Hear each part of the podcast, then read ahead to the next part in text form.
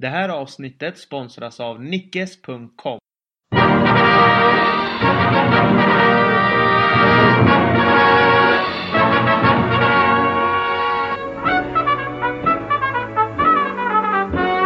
av Bastardos con Gloria med mig Meran Mahmoudi och Ludvig Franquis. Vi ser fram emot ett spännande avsnitt där vi har en hel del att ta itu med.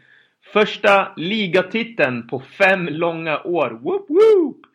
Och jag välkomnar tillbaka Ludde. Hur står det till med dig Ludde? Ja, det är bara bra. Jag har varit i solen en vecka och njutit. Och som tur när jag kommer hem så ser jag att solen även har dykt upp här i Sverige.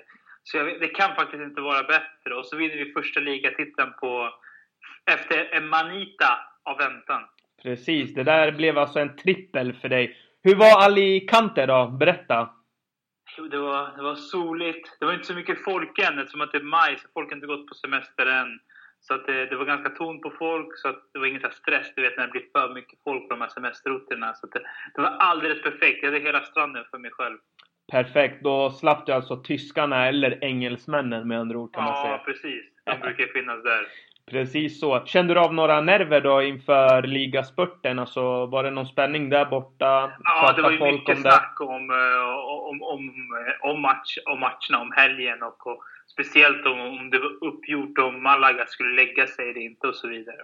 Mm. Det var ju mycket snack om det tyvärr inför. Eh, Precis. Vi ska ju komma in på det. Absolut. Vi pratar direkt då. Vi går in rakt på sak. Matchen mot Malaga. Vad såg du i den matchen? Jag såg ett Real Madrid som egentligen, det speglar ändå lite hela Real Madrids säsong. Alltså styrkan med Zidans Real Madrid är inte att man liksom exploderar i varje match och bjuder på någon briljerande offensiv. Och det är inte heller som under Mourinhos tid där man har en väldigt, väldigt stark defensiv och sedan kontrar. Det är något där mittemellan. Man kontrollerar matcherna och ser till att få de här målen med sig med, med hjälp av den individuella briljansen som finns inom laget. Och i den här matchen så var det Isco som efter två minuter egentligen eh, spelade fram Ronaldo till det liga, ligaavgörande målet. Ja, jag tycker också det. Jag menar, när det blev 1-0, man är ju vant sig under Zidane. Han sprider ett lugn vidare till oss fans också. Vid 0-1 där, jag kände mer eller mindre att ligan skulle bli... Ja, att den skulle hamna i Madrid då. Eh, som du säger, konspirationsteorierna var ju överflödiga. Eh, såg vi några tecken på det här tycker du under matchen? Nej, alltså jag tyckte Malaga tryckte på ganska bra. Och sen, liksom, det är 10 miljoner kronor. Alltså 10 miljoner kronor, till och med för en spansk klubb. Det är liksom, okej okay, Miran, eh, jag bjuder dig på lunch. Vad skulle du göra för mig då liksom? Det är inte mm. att du skulle göra så mycket. Ja, nej, men precis. Äh, det... Alltså, du, du får sätta det i liksom, liksom perspektiv. Det är som att eh, du skulle välja arbetsgivaren, arbetsgivare beroende på om du får en lunch första dagen eller inte. Det, det gör det liksom inte. Precis, och jag menar oavsett eh, de här 10 miljonerna också. Man, när man tittar på matchen så var ju Real Madrid det mycket bättre laget. Jag menar, det är bara löjligt när man läser såna här konspirationsteorier överallt. Och jag menar, ta Ronaldos mål, första. Det är helt omöjligt att hänga med. Det, det, det går ju inte ens. Det går ju hur snabbt som helst. Och pang 1-0 och Real Madrid har inte vunnit ligan på grund av några jävla konspirationsteorier. Alltså det är så det är så löjligt att ja, prata om sen, det. Och sen också när man liksom ska gå ner på, i botten av problemet. Så, alltså, det är en annan sak om vi pratar Champions League och det är något lag som lägger sig. Men om det skulle vara som en liga. En liga avgörs ju över 38 omgångar. Så det finns ju då också andra faktorer till varför man vinner eller förlorar en liga. Precis. Och det här, i, I Barcelonas fall så var det att man, att man inte har en tillräckligt bred trupp och att inte hela, hela truppen är igång. Ja, absolut. Man ska ta till det här specifika fallet. Stämmer. Och, och Real Madrid, det är som Ronaldo sa efter matchen, att han har aldrig varit i ett så bra och komplett Real Madrid-lag där alla verkligen kan prestera. Och det är det som har gjort att han faktiskt har kunnat vila i år och aldrig har varit så bra i slutet av en säsong i Real Madrid som han har varit i år. Precis. Nej men det är ju genialiskt av Zidane. Zidane är ett geni för mig. Just när det kommer till att 20 spelare har spelat över 1000 minuter. Alltså det är ju... Det är bara overkligt. Det, det går ju inte liksom nästan. Men det sjuka tycker jag är att mm. de inte bara spelat 1000 minuter. För vi hade ju exempelvis, alltså det finns ju rotationsspelare som oftast kommer in. Men som aldrig förstår varför de kommer in. Alltså det finns ingen värde av dem. De gör, de gör aldrig någon avtryck. De är bara där liksom. Ja, jag håller med. Absolut. Det är, som, det är som soporna man har utanför huset. Man är glad när de plockar dem, men man märker knappt av det. Ja, alltså, men precis. och, ja, absolut. Och liksom, alltså, det är som exempelvis Gago när han var där och hoppade in som defensiv mittfältare. Man, alltså, man ville ju knappt ta in honom. Man märkte inte om när han var där. Liksom. Mm. Och det som är grejen med Zidane, det är att man märker verkligen av Alltså att alla levererar i värde när de kommer in. På sitt sätt, på det de är bra på. De får ut maximalt av sin potential. Absolut. Nej, men det, det är helt rätt. Jag menar, det här är första titeln på fem år och nycklarna till att vinna ligatiteln, det har inte något med att göra med några konspirationer. Det har att göra med, som du säger, sedan använt hela truppen och eh, ja, som du säger, när man väl roterar, det, det, har inte liksom blivit någon, det har inte blivit sämre. Ibland har det till och med sett bättre ut. Vi har spelare som Asensio, Isco, med flera Morata som har varit otroligt viktiga. Jag menar Morata har gjort mer mål än Benzema, liksom bara en sån sak. Eh, finns det några andra nycklar som du kan peka på att det här var anledningen till ligatiteln? Jo, men sen också att eh, alltså, jag skulle säga alltså den enskilt största anledningen till ligatiteln, det är den, den, den, den, breda, den breda truppen som man har. För om man kollar på exempelvis Gareth Bale har ju en katastrofal säsong borta hela säsongen. Han kostar liksom över en miljard kronor. Eller precis under. Jag kommer inte ihåg den exakta summan just nu. Det kanske du har eh, eh, i huvudet. Ja, det, var, det, var, det, var, det blev väl en miljard då till slut. Ja. ja. Och det har knappt märkts av. Ja. Alltså, Ronaldo, förutom sista månaderna, så gör han sin absolut sämsta ligasäsong någonsin i Real Madrid. Det har ja. knappt märkts av. Nej, precis. För att han har varit så strålande i slutet på säsongen. Och det har som du säger med att göra att han har kunnat rotera, men man har inte känt av det som, som andra säsonger. För det har ju varit så att när Ronaldo inte har en bra kväll, ja, då har ingen annan det. Men nu har det ju varit liksom att när han inte har varit med, då har det ju ändå sett bra ut. Så att jag håller fullständigt med dig att det har ju varit en väldigt stor nyckel till att vinna ligatiteln. Om vi tittar på spelarna då, rent individuellt då. Eh, vem känner du har liksom gett Real Madrid mest under de här 38 matcherna då?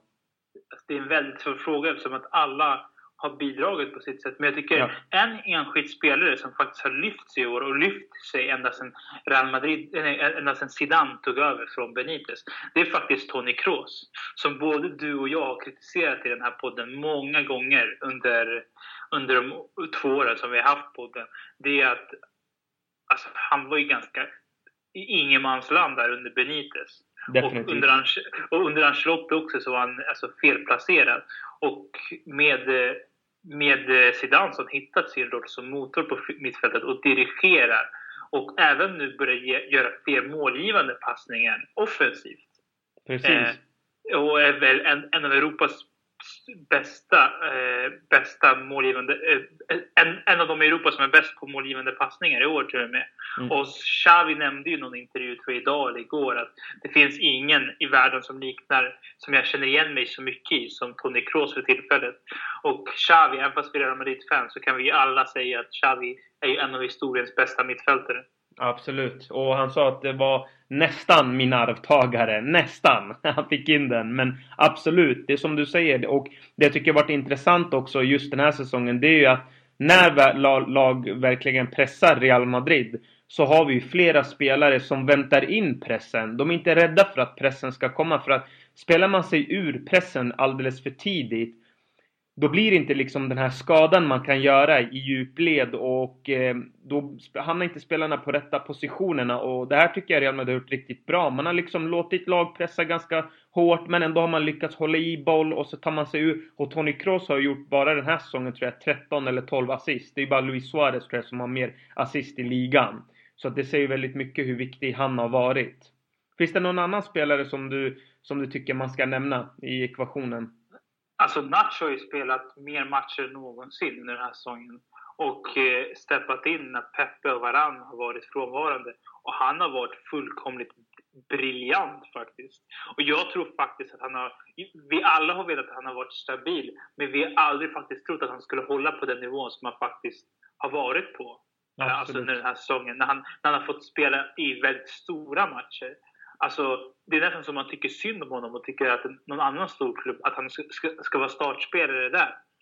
Ja, nej, men... Tyvärr kommer det ju inte, inte bli Real Madrid. Så att jag skulle säga att visst visste jag att Nacho var bra, men jag tror ingen kunde drömma av om vilken nivå han faktiskt håller. Han är snabb, stark och det enda han saknar är att vara lite, mer, lite fulare i defensivt straff, straffområde.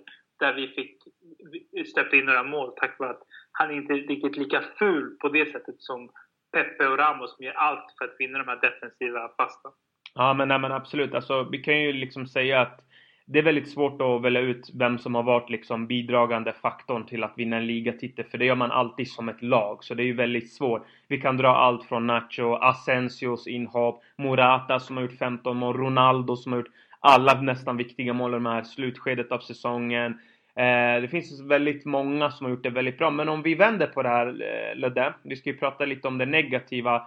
Finns det någon spelare eller, ja, som du känner att ja, de har verkligen inte varit med och bidragit allt för mycket?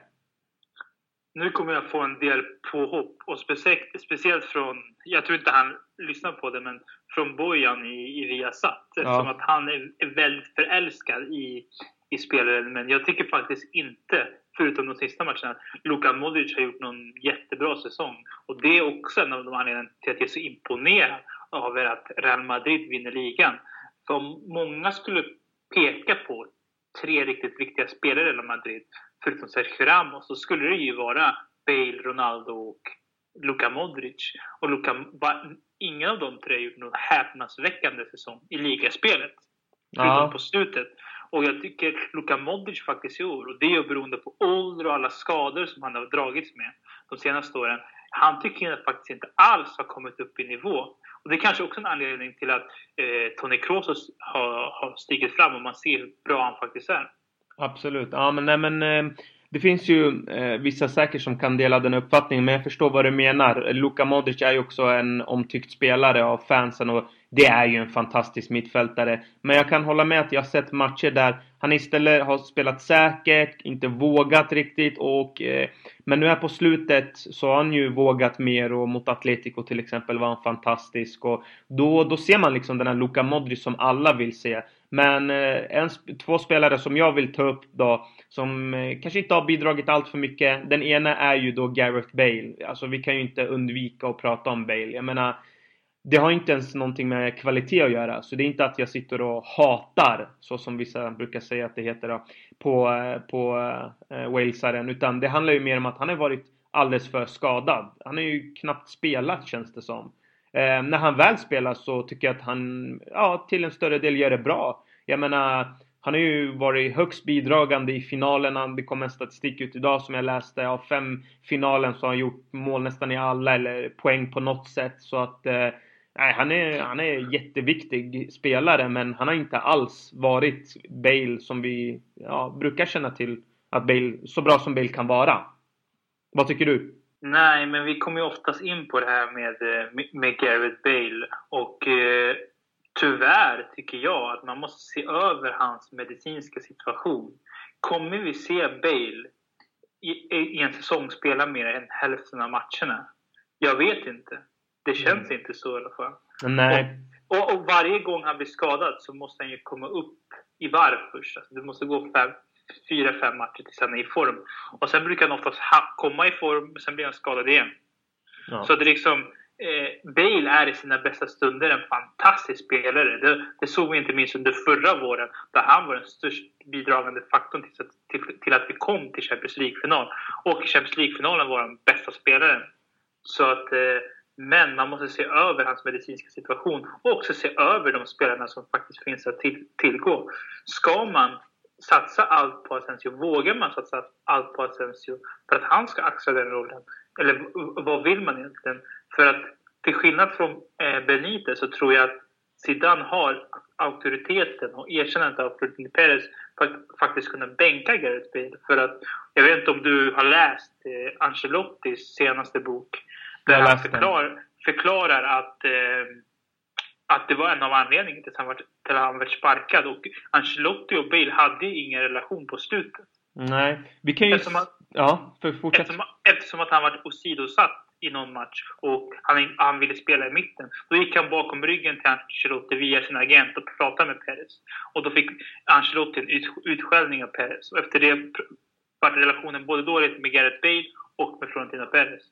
Absolut. Nej men jag, jag vet, jag läste stycket som Ancelotti hävd, eh, eller, ja, pratar om. Eh, och jag kan ju hålla med. Alltså att jag, jag, förstår att man blir irriterad att han är skadad så ofta och det är även jag. Eh, jag tycker, men dock tycker jag att han förtjänar en säsong till. Eh, det är lite för tidigt att döma ut honom. Men som du säger, man måste ju se över hans medicinska situation. Om det här ska fortsätta det blir inte bra för någon i slutändan. Eh, varken för Real Madrid eller för Bale själv. Som jag faktiskt tycker väldigt mycket om som människa i alla fall. Han verkar vara en ödmjuk person och, och, och så. Men eh, ja. Så, vi... sen, sen, sen har vi lite politiska problem med Gareth Bale. Han är inte så omtyckt faktiskt av Real Madrid-fansen. Det är många som ser Asensio som är liksom spansk, Spaniens alltså, största stjärnskott just nu kanske, som är upcoming.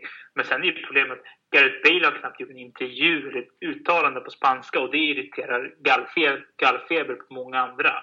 Mm. Alltså Real Madrid-fans. Ja, Speciellt men... de i Spanien. För jag tycker, och han tar liksom spanska reaktioner dagligen, säger han. Och så kan jag inte få fram ett ord. Jag tycker, alltså då visar man ingen respekt varken mot klubben eller mot sina fans. Nej men vi såg ju här i firandet då när eh, Bale stod helt själv och Ronaldo liksom eh, ropade på honom kom in och ta en bild. Jag vet inte hur mycket man ska egentligen gå in i de här eh, liksom de här nyheterna som förmedlas av just Marca också. De är ju bra på att krydda som man säger bra på att lägga lite extra. Eh, och eh, jag menar, ja, jag vet inte. Vi får se hur det går för Gareth Bale, men man kan ju konstatera att han inte har varit i alla fall högst bidragande till den här ligatiteln. Och en annan spelare som vi också ska eh, prata om, eh, vi får se, jag, får, jag vill veta vad, gärna vad du tycker, men jag har varit väldigt kritisk till honom, det är ju Karim Benzema. Hur känner du inför honom? It's time again, känner jag. Ja, eller hur?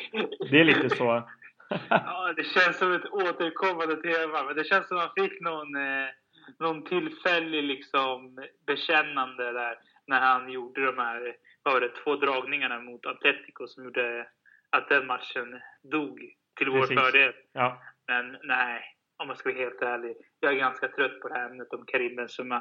Eh, sälj, sälj fanskapet. Alltså, eh, eh, det är mycket problem utanför plan. Han har faktiskt inte levererat i år i Real Madrid.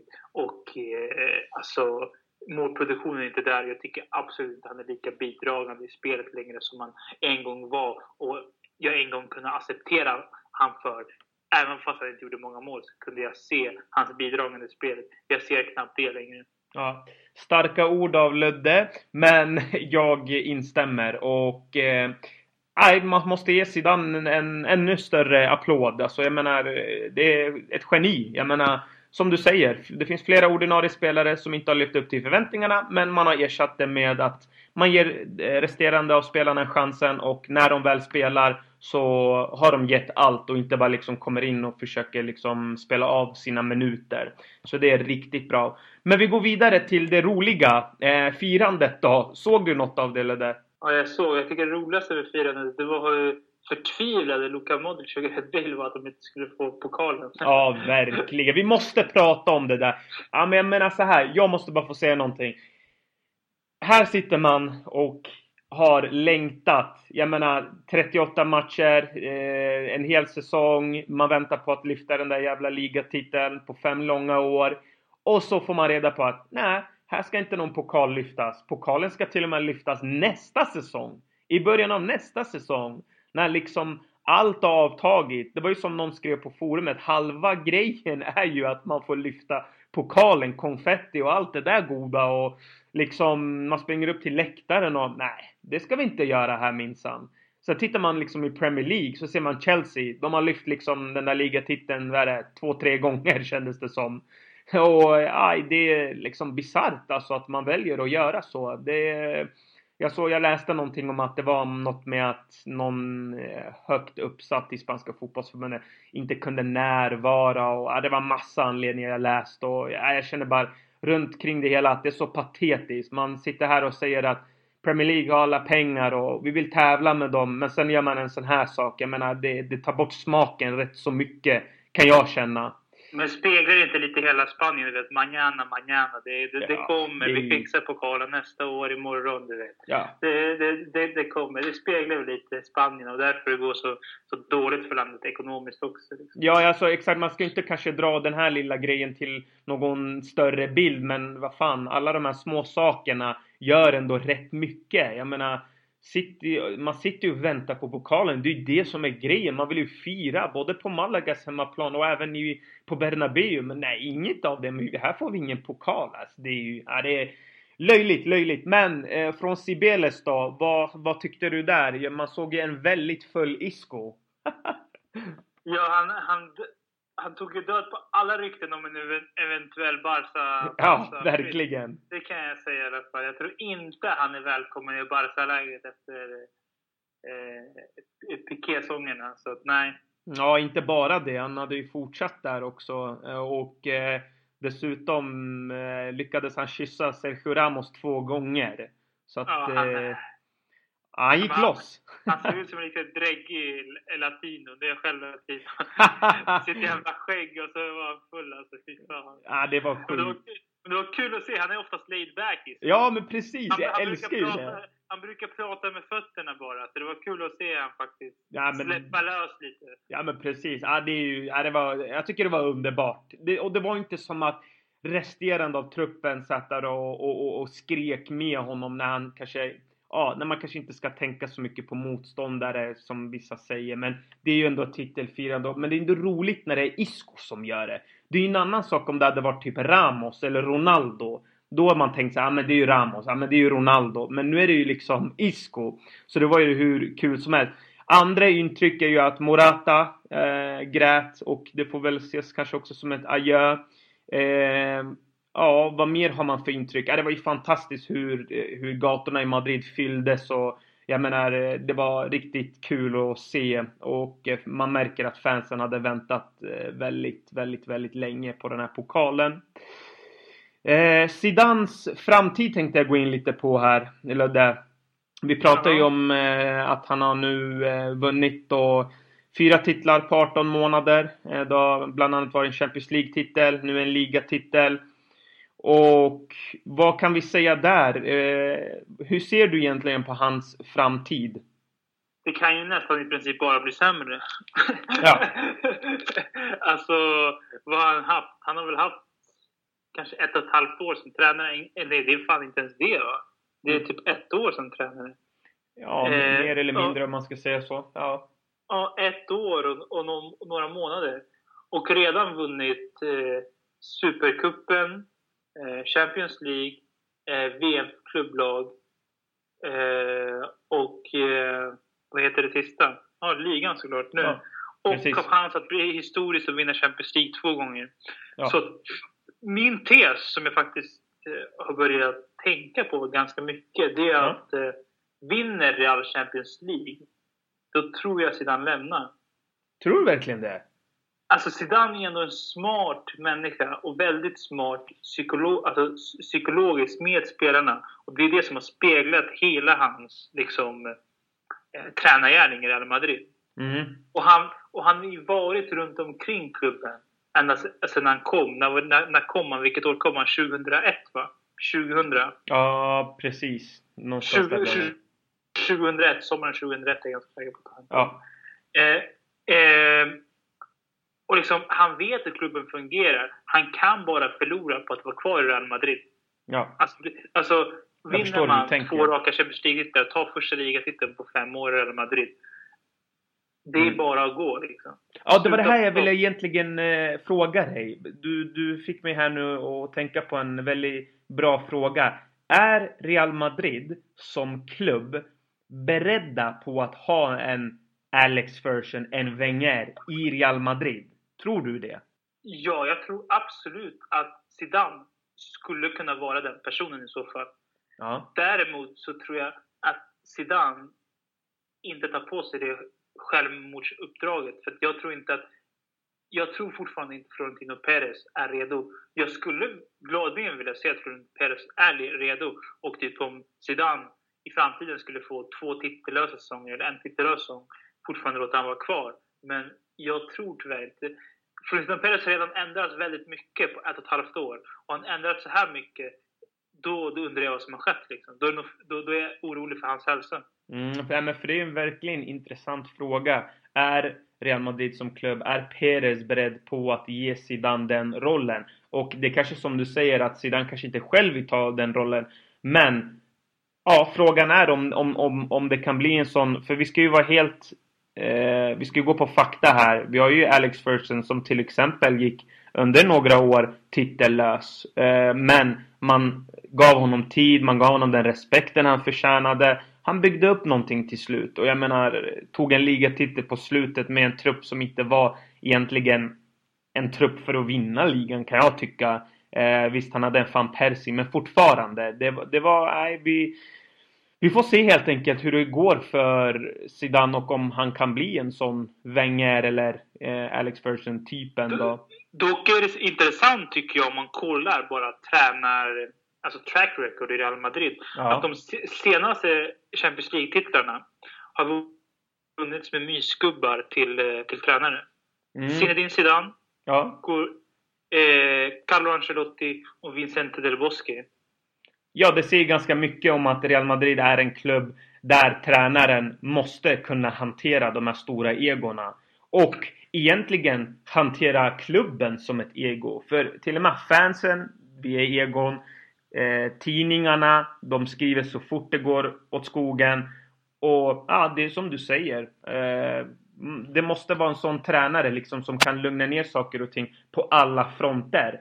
Ta till exempel silly season.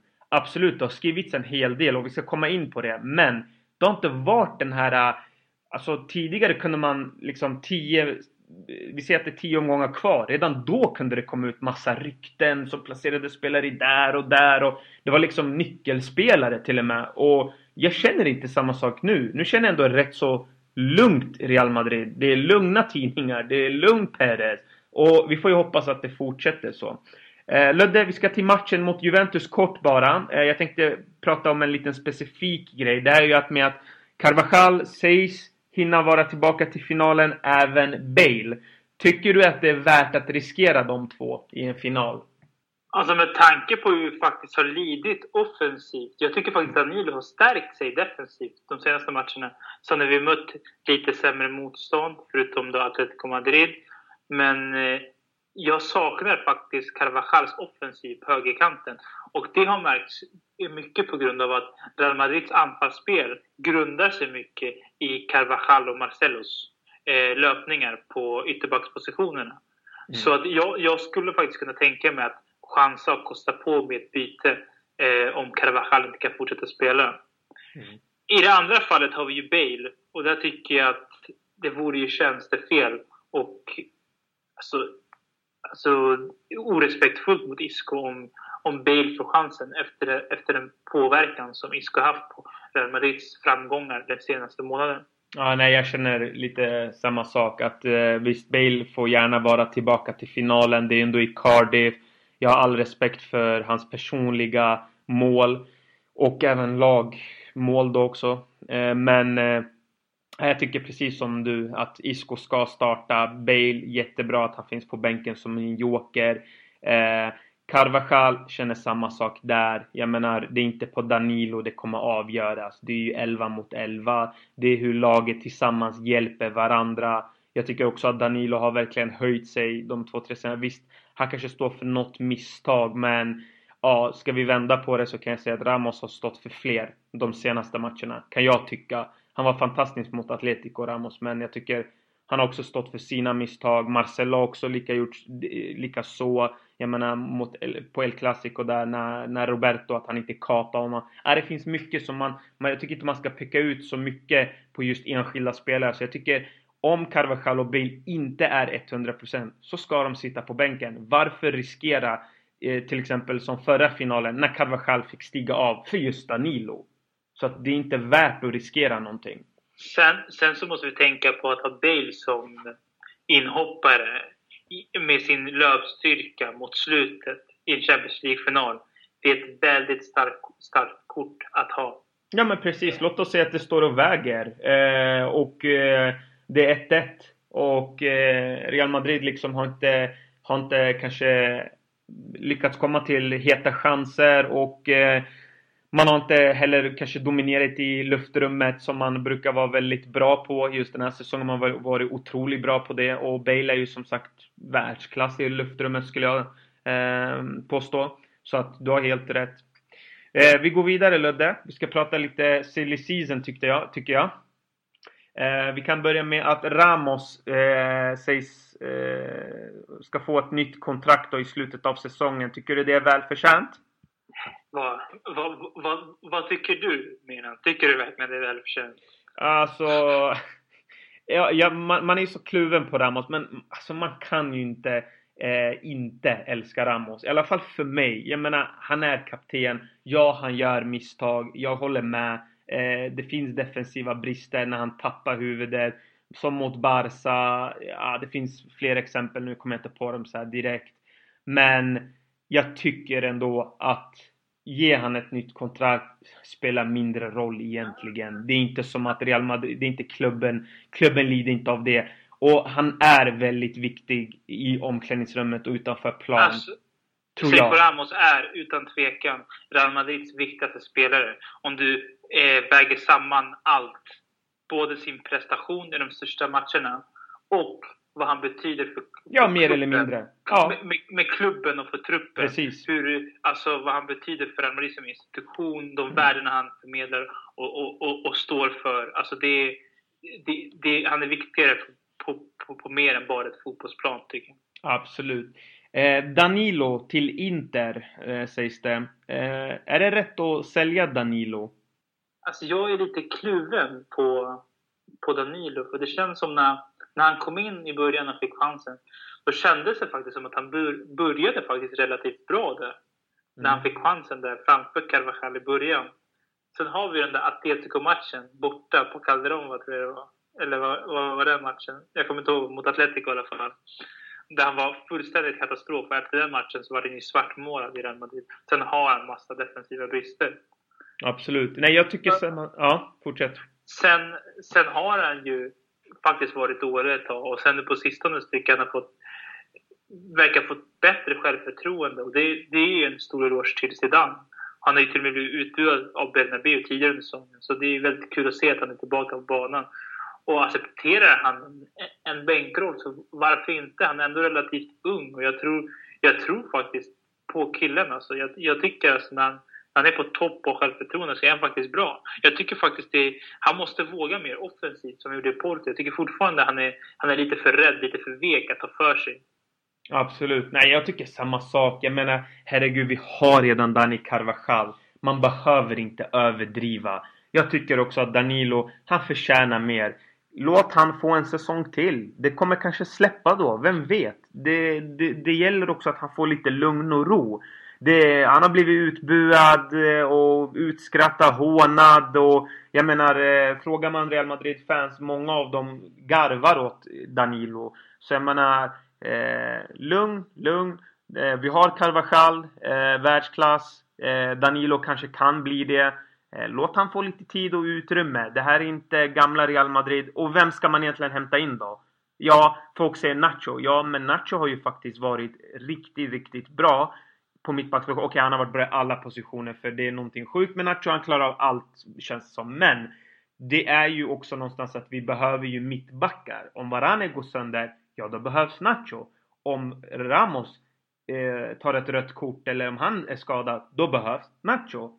För att vi vet ju att det är nästan ganska klart att Pepe kommer lämna. Jag tror inte han stannar kvar.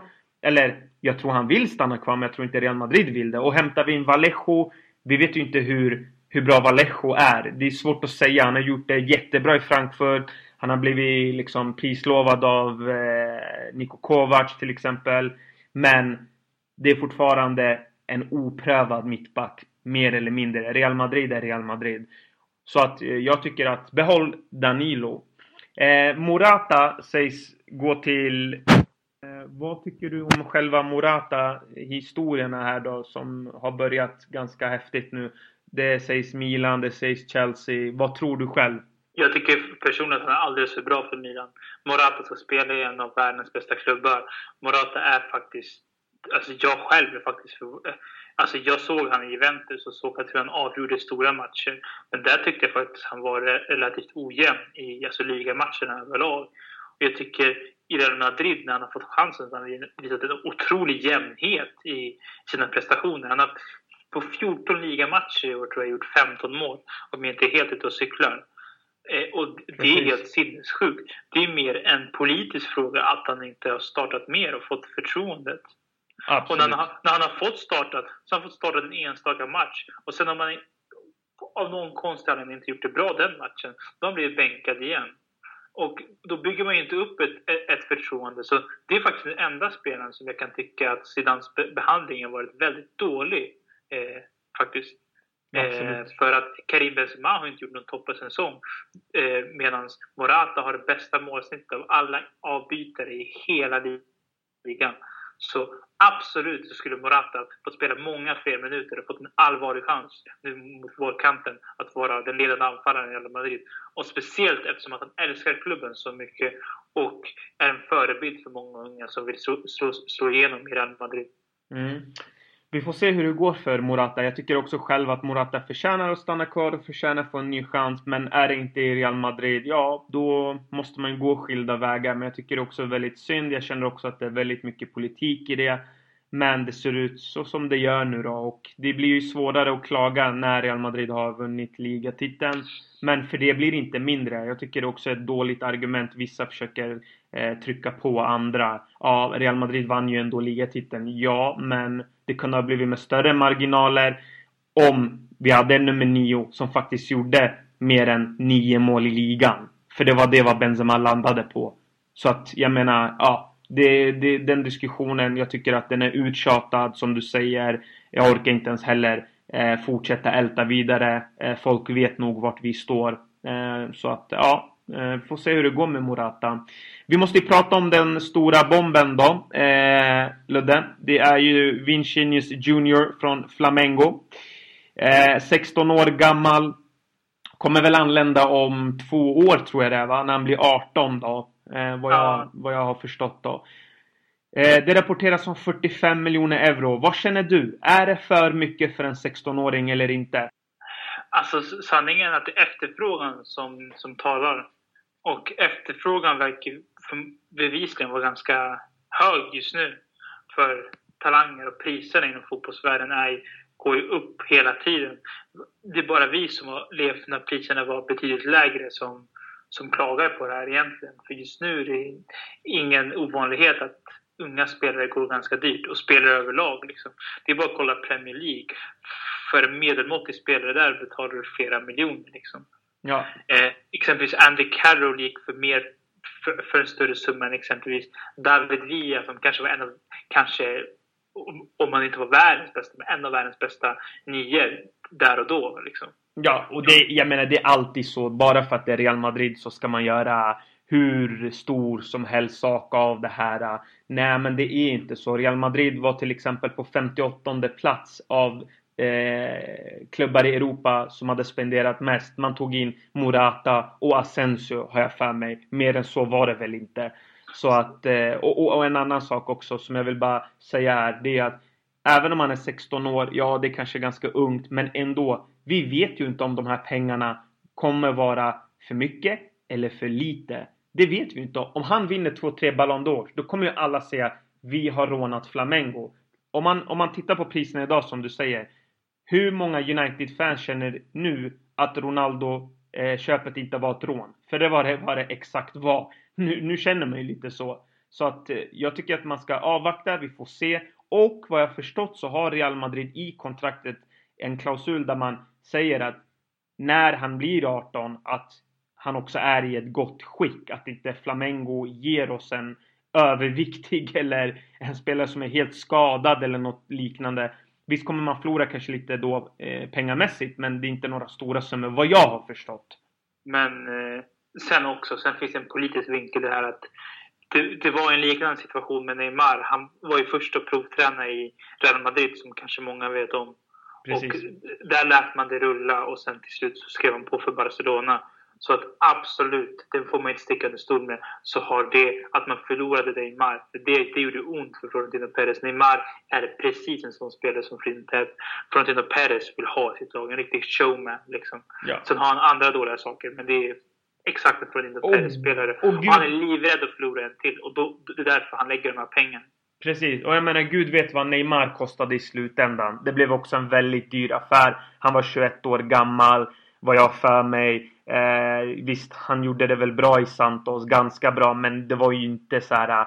Oj, här värvar vi nu en, en helt O, eh, en, en helt liksom en, en, en, blivande, eller en blivande världsstjärna. Det var ju också en chansning man någonstans tog. Det var inte som att alla lagen var helt säkra på att Ah Neymar, han kommer bli något. Det var ju många som hävdade att han var bara en YouTube-show. Vilket det visade sig inte vara, för han är världsklass. Så att vi får se. Jag tycker man ska avvakta. Det är många som pratar om den här värvningen. Men jag tycker man måste avvakta helt enkelt. Vi får se. Hoppas att det går bra för honom, såklart. Ludde, jag tycker vi har eh, täckt det mesta. Vad känner du? Jag håller med. Det känns stabilt. Ja, faktiskt. Det har varit bra diskussioner tycker jag. Och eh, det är alltid kul när folk lyssnar, eh, som vi ser då. Och eh, vi älskar ju alla våra lyssnare. Eh, så jag vill tacka er för att ni lyssnar. Fortsätt lyssna. Eh, hör av er till oss om det är någonting. Vi finns på Twitter. adios! Ciao!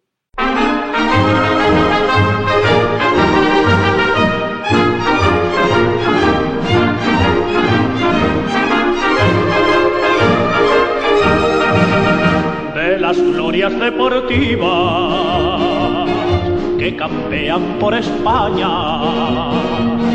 Va el Madrid con su bandera, limpia y blanca que no empaña.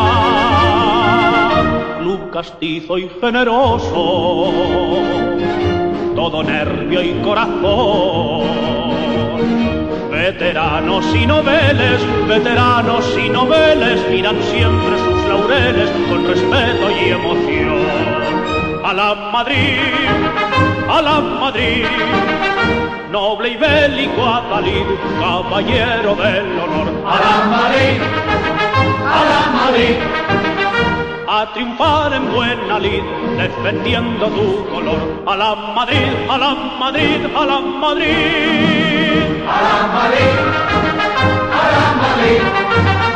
Noble y bélico Atalid, caballero del honor. ¡A la Madrid! ¡A la Madrid!